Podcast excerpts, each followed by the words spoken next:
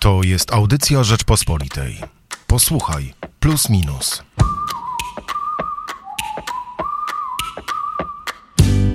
Chcielibyśmy zaprosić Państwa do nietypowego magazynu Plus Minus. Nietypowego z dwóch, a tak właściwie nawet z trzech względów. Po pierwsze, mamy święta Bożego Narodzenia, czyli to plus świąteczny. Po drugie, te święta wypadają w pandemii, czyli to jeszcze bardziej nietypowe święta, no bo święta, wiadomo, to zawsze okres nietypowy. A po trzecie, tym razem magazyn Plus Minus wychodzi nie na weekend, a na całe święta i nie będzie do kupienia samoistnie w kiosku, tylko będzie dodatkiem do czwartkowej Rzeczpospolitej. Michał Płociński i Michał Szułdrzyński. Świąteczny plus minus y, otwieramy z opowiadania. Nietypowo, ale jest to opowiadanie jak najbardziej świąteczne. Jan Maciejewski napisał o Wigilii Heroda czyli nie dość, że nietypowe opowiadanie, to jeszcze nietypowe świąteczne opowiadanie, bo Wigilia z perspektywy, e, z której chyba rzadko e, się ją opowiada, jak nie w ogóle nigdy. E, co się działo w pałacu Heroda w momencie, kiedy rodził się Jezus Chrystus? Bo że to był moment dla Heroda i w ogóle dla całego Izraela przełomowy, to z perspektywy czasu wszyscy wiemy. A jak to wyglądało w momencie, kiedy trzech króli przyszło do Heroda oznajmić mu, że poszukują nowego króla Izraela i że nie chodzi wcale e, o niego. Nad tym skupił się Jan Maciejewski w swoim opowiadaniu, ale tak naprawdę takim tekstem, e, nazwijmy go brzydkim słowem korowym, czyli tekstem, który, który nas wprowadza e, intelektualnie do czasu świątecznego i do czasu tak naprawdę czasu Jezusa Chrystusa, e, jest e, duży esej o czasie Łukasza Kobeszki. Esej pod tytułem Czas dodany, czas odjęty, bo Boże Narodzenie, jak pisze filozof polityki Łukasz Kobeszko, to święto spotkania bezczasowej wieczności z wymierną teraźniejszością. I święto to sprzyja refleksji po prostu nad czasem. Nad czasem, którego w pandemii, jak się wydaje, ostatnio nam przybyło. Tutaj pojawiają się takie zwroty jak chronos, jak kairos, czyli ten czas e, doczesny, czas e, wieczny. E, I może zastanówmy się, Michał, nad tym, czy rzeczywiście byliśmy w stanie jakoś spożytkować ten czas, którego nam przybyło, a może wcale tego czasu w pandemii nam nie przybyło i to jest tylko taki nasz domysł, bo siedzimy oczywiście na tych home office, bo nie musimy stać w korkach, nie musimy E, e, męczyć się e, w biurach i jesteśmy w stanie jakoś inaczej ten czas gospodarować, ale czy inaczej, to znaczy rzeczywiście, że tego czasu mamy więcej i że coś na pandemii zyskaliśmy. No rzeczywiście to, co mnie najbardziej zaskoczyło, czy najbardziej uderzyło w tekście e, Łukasza Kobeszki, jest właśnie ta jego łatwość e, w przyjmowaniu perspektyw. To znaczy, mm, on pokazuje, że te zjawiska takie jak właśnie wejście w Chrystu, Chrystusa w czas, czyli to, co mamy w opowiadaniu e, Jana Maciejewskiego, e, czyli w ten czas ziemski, czas historyczny, czas antyczny, wejście zupełnie innej koncepcji, e, koncepcji czasu, stworzonego, który się zaczyna, ale, ale nie ma końca, że to wszystko są. Mm, różne wariacje czy różne warianty patrzenia na to samo zjawisko. I tak samo jak 2000 lat temu, a właściwie 2020 lat temu, e, te, te różne wymiary czasu się połączy, połączyły, tak też dzisiaj jesteśmy w stanie to obserwować ze względu na mm, jedną rzecz. Właściwie nie pada to w tekście Łukasza Kobeszki, e, ale mm, pamiętam z zajęć filozoficznych, że filozofia zaczęła się wtedy, kiedy ludzie zaczęli mieć e, wolny czas. Filozofia zaczęła się wtedy, kiedy ludzie byli ludźmi wolnymi i nie musieli całego dnia spędzać nad wyłącznie troskami życia codziennego, ale mieli czas wolny, który pozwalał im na dyskusję, na bycie obywatelem, tak jak to było e, w starożytności. E, I to, co ciekawe pisze Kobeszko, to jest to, jak ten czas zmienił się e, po II wojnie światowej. To znaczy, że tak naprawdę po II wojnie światowej, poprzez przemiany cywilizacyjne, tak naprawdę zupełnie zmienił się sposób spędzania czasu, ale też e, dzięki rozmaitym odkryciom technologicznym no, mieliśmy tego czasu, e, czasu więcej. No i też powstała cała właśnie kategoria wolnego czasu, e, w którym no, mieliśmy czas na, no właśnie, mieliśmy czas na rozrywkę, na zabawę i i, i, I jak gdyby to jest jedna rzecz. No i teraz właśnie święta, które są tym momentem, kiedy e, z racji jego świątecznego charakteru mamy więcej tego wolnego czasu na zastanowienie, na przemyślenia, no też zmuszają nas do tego, żebyśmy się zastanowili e, nad tym, jaki jest bilans tego roku, jeśli chodzi, e, jeśli chodzi o czas. I muszę powiedzieć, że pod tym względem tutaj tekst Łukasza Kobeszki wywołał we mnie sporą spory niepokój. Re, ale refleksja też chyba. Tak, prawda? refleksja, ale też pewien niepokój, czy, czy, czy, czy byliśmy w stanie rzeczywiście to, to, to wykorzystać. Byłeś? Jak już doszło do tej refleksji i przemyślałeś, to jak skorzystałeś z tego nadmiarowego, potencjalnie nadmiarowego czasu, jaki dostaliśmy od marca? No, zupełnie inaczej funkcjonuje e, życie rodziny wielodzietnej, e, gdy wszystko się odbywa w domu. E, na początku pandemii słuchałem różnych wypowiedzi ludzi, którzy zastanawiali się, co zrobić z taką wielką ilością właśnie wolnego czasu, który zyskali dzięki pandemii. No, dla nas to było wyzwanie szkoły domowej, domowego biura, godzenia godzenia dzieci, które miały e, zajęcia.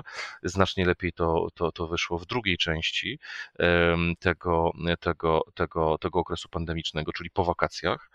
E, natomiast ja mam wrażenie, że całkowicie zmienił się styl pracy i to jest też, też ciekawe, bo wcześniej, wcześniej, to zresztą też pisze o tym e, Jan Maciejski w swoim felietonie, e, o roli miasta, tak? czyli miasta czegoś, co się dzieje przypadkiem, e, miasta, w którym mm, dochodzi do różnych nieoczekiwanych rzeczy, tak? No bo w mieście spotykamy znajomego przez przypadek i idziemy z nim na kawę. E, w internecie umawiamy się z kimś na spotkanie i tego przypadku nie ma. I, i e, to, to funkcjonuje jak gdyby zupełnie inaczej, tak? Gdy, gdy szukamy, gdy idziemy do księgarni zwykłej, możemy przez przypadek trafić na e, jakąś książkę. Gdy szukamy książki e, przez internet, e, skazani jesteśmy wyłącznie na to, co nam podsuną algorytmy. I to jest to ryzyko, które się wiąże z tym czasem pandemii. To znaczy, że ten czas wolny, który mamy, jest czasem wolnym dzięki temu, że ktoś inny podejmuje za nas decyzje. Y, to jest to, o czym, o czym pisał między innymi Jacek Dukaj w popiśmie. E, czyli to, że szukając samodzielnie, że, że, że zdając się na, na, na, na, dokonując własnych poszukiwań, jesteśmy w stanie coś odkryć. Natomiast w sytuacji, gdy mm, technologie już nie chcą słuchać naszych pytań, Y, tylko dają nam gotowe odpowiedzi, nim my w ogóle pytania zadamy, to pole naszego wyboru się znacznie, y, znacznie y, zawęża. Tak? I, czy, I to jest to pytanie, które łączy starożytności czas pandemii, tak? Czy ty przez te wszystkie spotkania na Zoomie, przez te wszystkie nasze redakcyjne kolegia na Zoomie i innych komunikatorach, czy staliśmy się ludźmi bardziej wolnymi, e, właśnie w tym sensie starożytnego, wolnego człowieka, który ma wolny czas na to, żeby zajmować się sprawami obywatelskimi. Czyli paradoksalnie to ten przypadek świata realnego, tego, coś jak mówimy często w realu, a nie w świecie wirtualnym, ten przypadek dawał nam większy wybór, prawda? W sensie wybór, który e, z jednej strony był przypadkowy, ale mogliśmy się zdecydować, czy chcemy, czy chcemy tą, tym, tym nurtem popłynąć, czy słysząc na przykład e, rozmowę obcych ludzi w kawiarni, w której akurat pijemy kawę, e, którzy opowiadają o jakiejś nowej płycie, czy o jakiejś nowej wystawie, czy my chcemy się na to zdecydować, czy też chcemy to sprawdzić. Algorytmy nam tego wyboru e, prawdziwego nie dają, bo algorytmy nam podsuwają już coś, co powinno nas zainteresować, nic nowego. Rola przypadku ograniczona do minimum, i to jest właśnie niesamowicie paradoksalne, prawda? Że to przypadek i wybór połączenie dwóch niby przeciwstawnych rzeczy. Jeżeli to tracimy, stajemy się trochę niewolnikami porządku. Ale Łukasz Kobeszko e, pisze też o tym, że były takie momenty. Oczywiście jednym z tych momentów e, jest to, co dzisiaj uznajemy za rok zerowy, wejście właśnie w czas Jezusa Chrystusa. Momenty, kiedy zaczynaliśmy na czas patrzeć inaczej. Ja nie jestem przekonany, czy pandemia rzeczywiście jest takim wydarzeniem, że zaczynamy e, na czas patrzeć inaczej, bo jeżeli patrzymy na czas inaczej, to przy okazji podważamy cały dotychczasowy porządek. Zaczynamy szukać nowych e, haseł, nowych opisów, zaczynamy inaczej myśleć o świecie, bo ten czas jest e, takim kręgosłupem wokół wszystkiego, wokół, wokół którego tak naprawdę wszystko budujemy. Myślę, że na początku rzeczywiście było dla nas zaskakujące.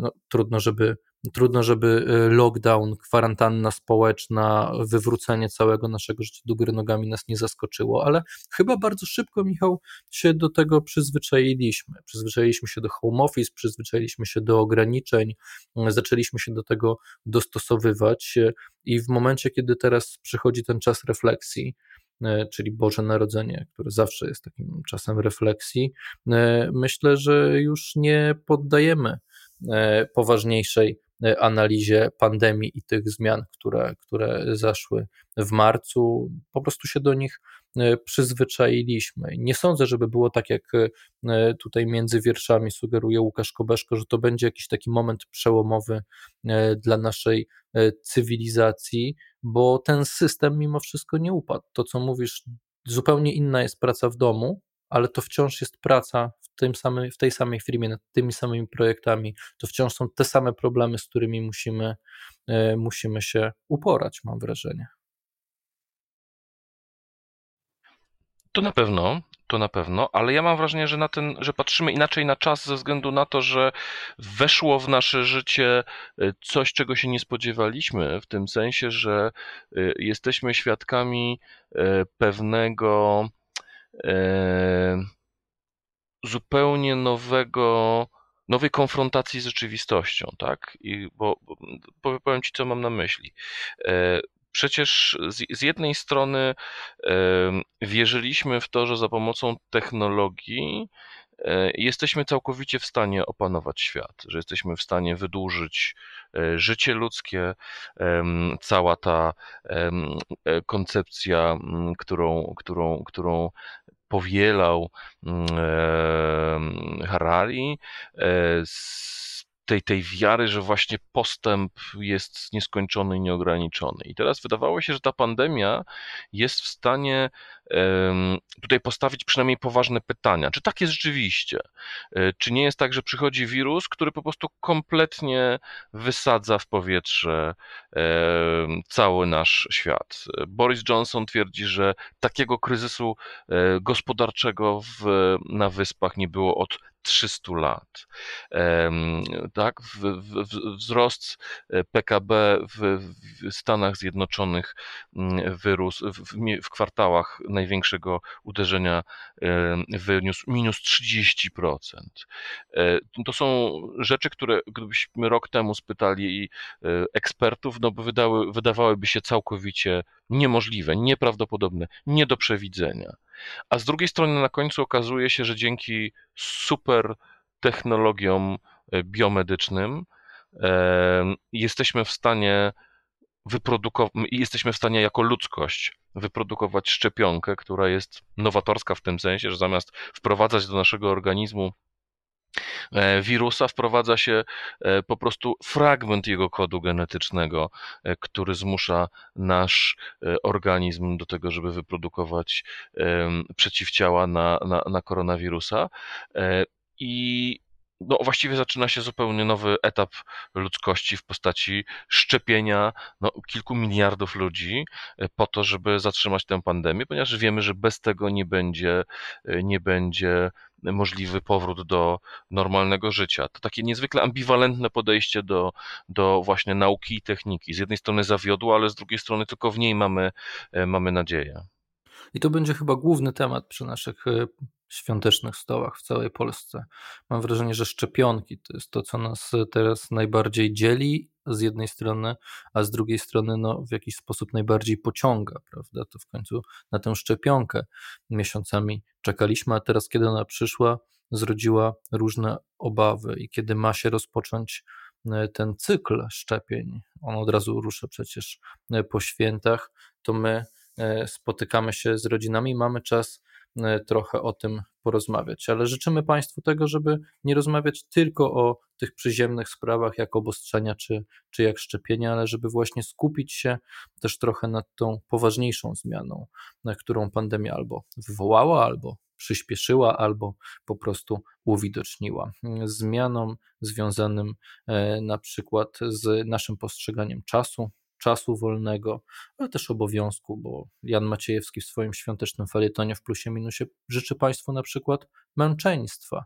Prowokacyjny tekst też bardzo polecamy. Łukasz Kobeszko za to e, bardzo ciekawie jeszcze pisze o, o zmianach, e, które e, Kościół musiał w latach 50. przedsięwziąć w związku z tym, że zmieniło się zupełnie życie społeczne, że e, mm, e, musieliśmy się dostosować do tej e, gospodarki już takiej przemysłowej, gdzie, gdzie, gdzie ludzie pracowali na różne zmiany i Pius XII podjął wtedy decyzję, żeby skrócić post trwający od północy przed przyjęciem e, Komunii Świętej i żeby wydłużyć czas e, mm, świątecznych, niedzielnych nabożeństw, żeby, żeby msze święte mogły być e, także po południu sprawowane. A jeżeli tak się zastanowić nad tym, jak Kościół dzisiaj podchodzi do tych zmian, które, które potencjalnie przynosi światu pandemia, to mam wrażenie, że Kościół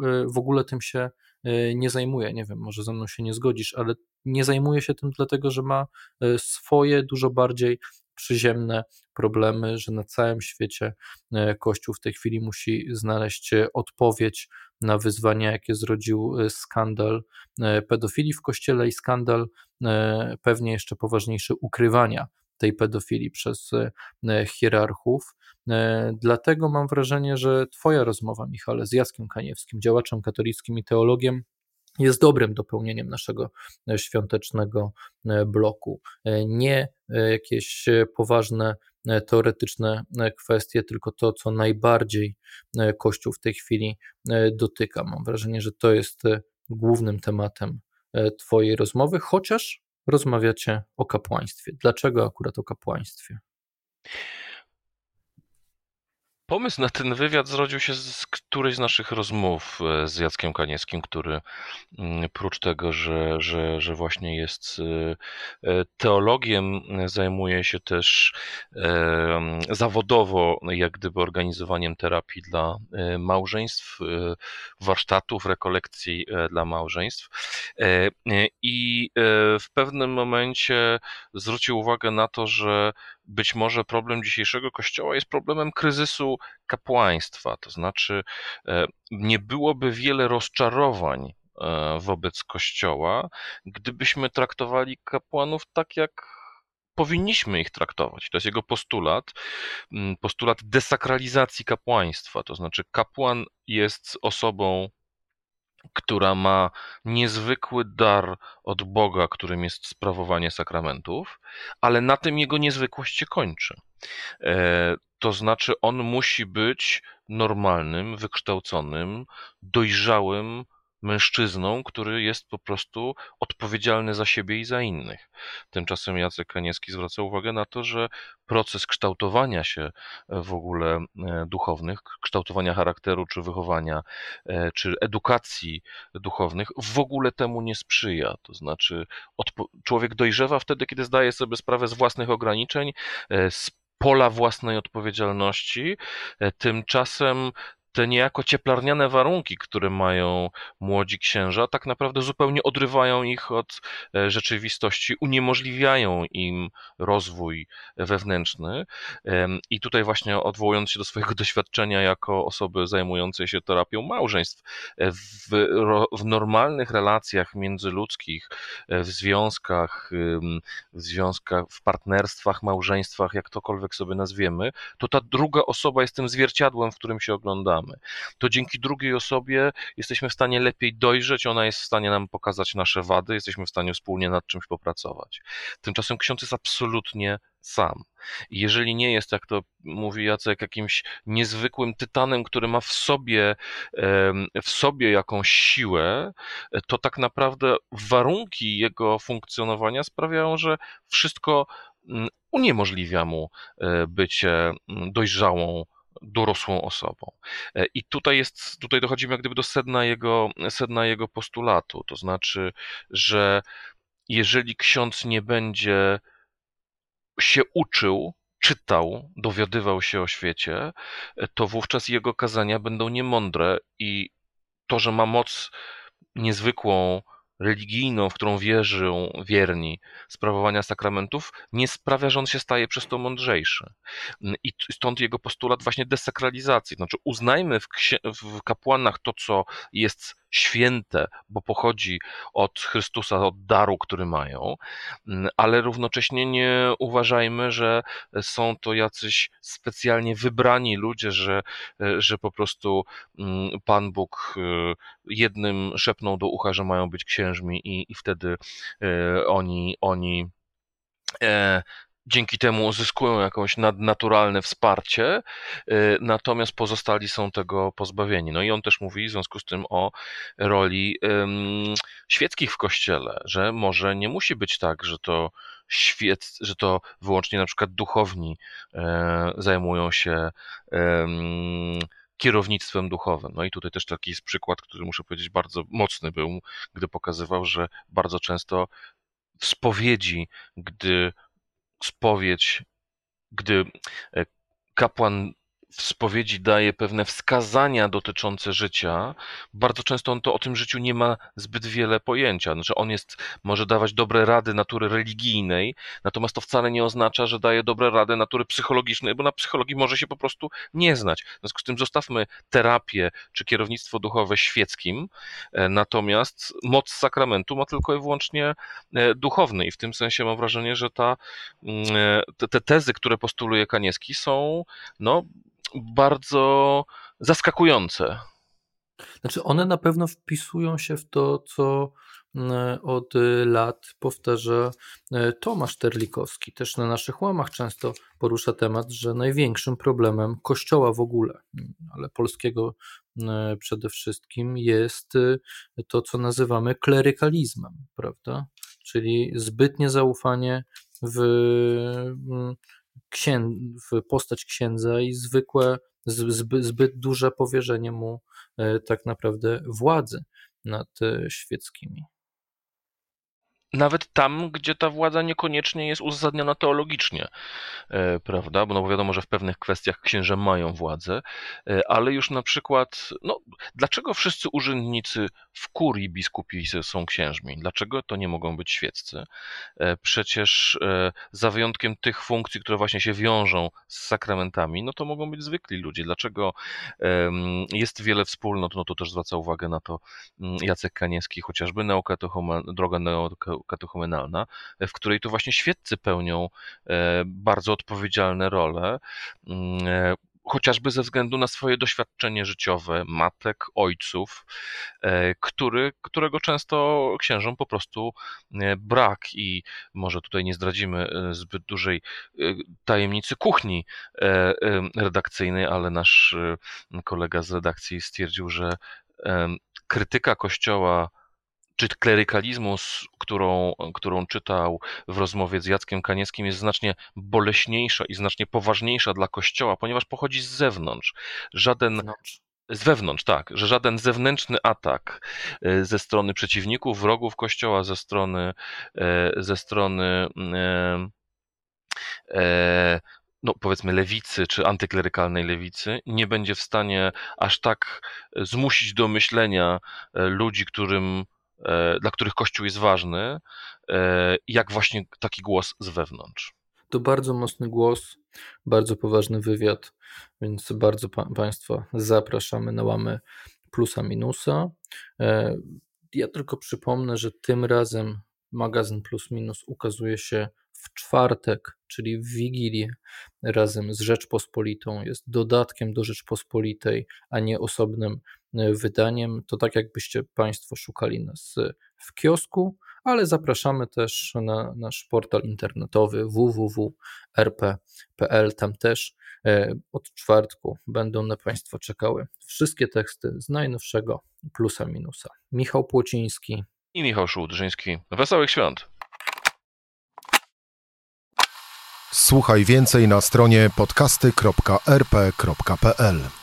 Szukaj Rzeczpospolita Audycje w serwisach streamingowych.